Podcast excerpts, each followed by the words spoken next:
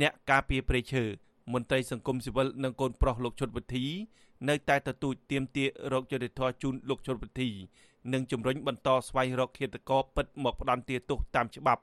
កូនប្រុសលោកជុតវិធីគឺលោកឆុយឧត្តមរស្មី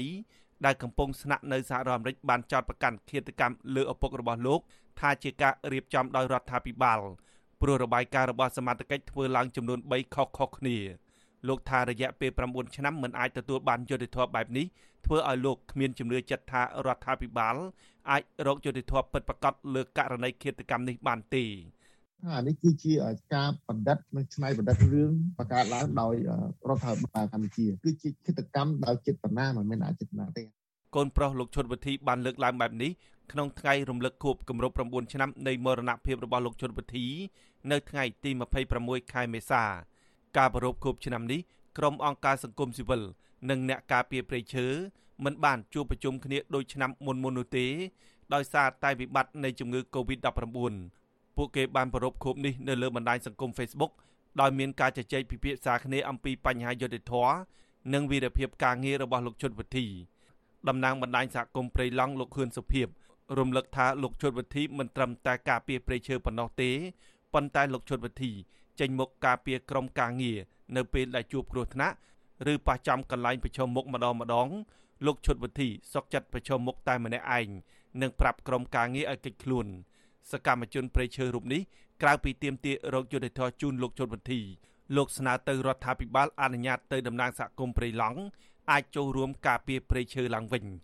ជាសកម្មភាពមួយដែលគាត់ធ្វើនេះគឺមិនមែនធ្វើដើម្បីបុគ្គលខ្លួនគាត់ទេធ្វើ ដើម្បីប្រទេសជាតិជាពិសេសគឺកម្ពុជាទាំងដងដែរបើសិនជា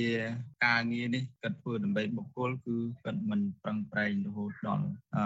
យកអាយុជីវិតទៅបដូរជាមួយនឹងសកម្មភាពទាំងអស់នេះទេស្រដៀងគ្នានេះដែរអតីតអ្នករាយការណ៍ព័ត៌មានវិទ្យុអាស៊ីសេរីលោកអ៊ុនឈិនដែលធ្លាប់បានចុះយកព័ត៌មាននៅតំបន់ប្រឈមមុខមួយចំនួនជាមួយលោកឈុតវិធីនិយាយថាលោកឈុតវិធីជួបការលំបាកមិនរុញរារហូតលះបង់ជីវិតដើម្បីការពារព្រៃឈើ ដូច្នេះគួរណាស់អាជ្ញាធរឬអ្នកពាក់ព័ន្ធផ្ដល់យុត្តិធម៌ឲ្យសកម្មជនការពារព្រៃឈើរូបនេះពលិកម្មរបស់គាត់កាលដែលគាត់នៅរស់គាត់វេទនាណាស់បាទជីវិតគាត់ប្រឹងប្រែងដើម្បីយើងដើម្បីមនុស្សជាតិទាំងអស់គ្នាខ្ញុំសំណោះជីវិតគាត់ណាអញ្ចឹងបាទសូមឲ្យមានយុត្តិធម៌សម្រាប់គាត់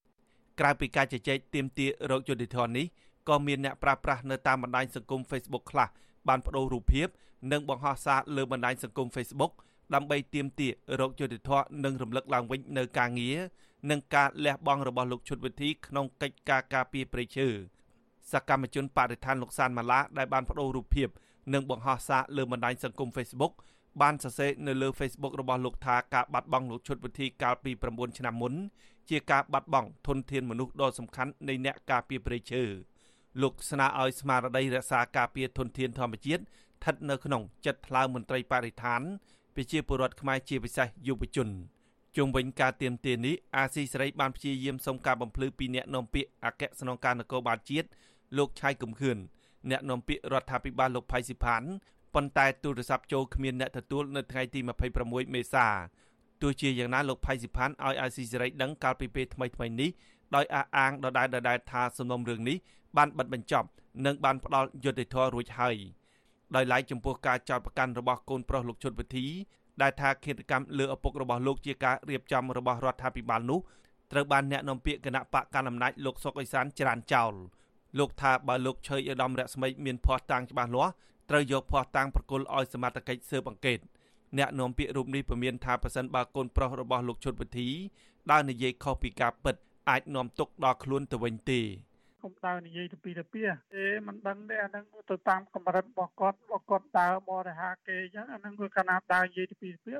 ទៅជាមិនដាក់កំហុសរបៀបបរិហាគេហើយអញ្ចឹងបានថាយើងទាំងអស់គ្នាគាត់តែចង់បានយុត្តិធម៌អញ្ចឹងបើចង់បានយុត្តិធម៌មានឯកសារអីមានផតាំងអីបើគាត់ថាមិនទាន់បានយុត្តិធម៌มันមិនទាន់បានយុត្តិធម៌កន្លែងណាហ្នឹងគាត់យកទៅបង្ហាញសមត្ថកិច្ចលោកឈុតវិធីត្រូវបានមន្ត្រីកងរាជអាវុធហត្ថបាញ់សម្លាប់នៅក្នុងរថយន្តរបស់លោកហេតុការបាញ់សម្លាប់នេះ បានកើតមានឡើងនៅពេលដែលលោកនិងអ្នកកសែតពីររូបបានចូលទៅស៊ើបអង្កេតនិងថតរូបភាពគំនរឈើរបស់ក្រុមហ៊ុនកាប់ឈើ Timber Green នៅក្នុងទឹកដីខេត្តកោះកុងម្ចាស់ភាគហ៊ុនធំរបស់ក្រុមហ៊ុនរកស៊ីកាប់ឈើរូបនេះគឺលោកស្រីខៀវសស៊ីលៀបនិងឈ្មួញម្នាក់ទៀតដែលមានងារជាអង្គញាផង និងជាមន្ត្រីយោធាជាន់ខ្ពស់ផង គឺលោកហួហាប់ដែលគេដឹងថាអ្នកទាំងពីរនេះមានទំនាក់ទំនងជិតស្និទ្ធជាមួយគ្រួសារលោកនាយករដ្ឋមន្ត្រីហ៊ុនសែន ប៉ុន្តែក្រោយមកក៏មានការចាប់ប្រកាន់ថាអ្នកស្រីខៀវសស៊ីលៀបគឺជាអ្នកឈរឈ្មោះតំណាងឲ្យអ្នកស្រីហ៊ុនម៉ាណែតដែលជាកូនស្រីរបស់លោកហ៊ុនសែននៅក្នុងក្រុមហ៊ុន Timbergreen នេះទៀតផង9ឆ្នាំក្រោយពីការបាញ់សម្លាប់ប្រធានអង្គការការពារធនធានធម្មជាតិរូបនេះពលរដ្ឋនិងយុវជនកាន់តែច្រើនបានស្ម័គ្រចិត្តចូលរួមការពារព្រៃឈើនិងបរិស្ថានបើទោះបីជាពួកគេរងការគំរាមកំហែងពីរដ្ឋាភិបាលឈ្មួញការពារព្រៃឈើ និងអ្នកខ្លះកំពុងជាប់ពន្ធនាគារក្តីខ្ញុំបាទហេងរស្មី អាស៊ីសេរីពីរដ្ឋធានី Washington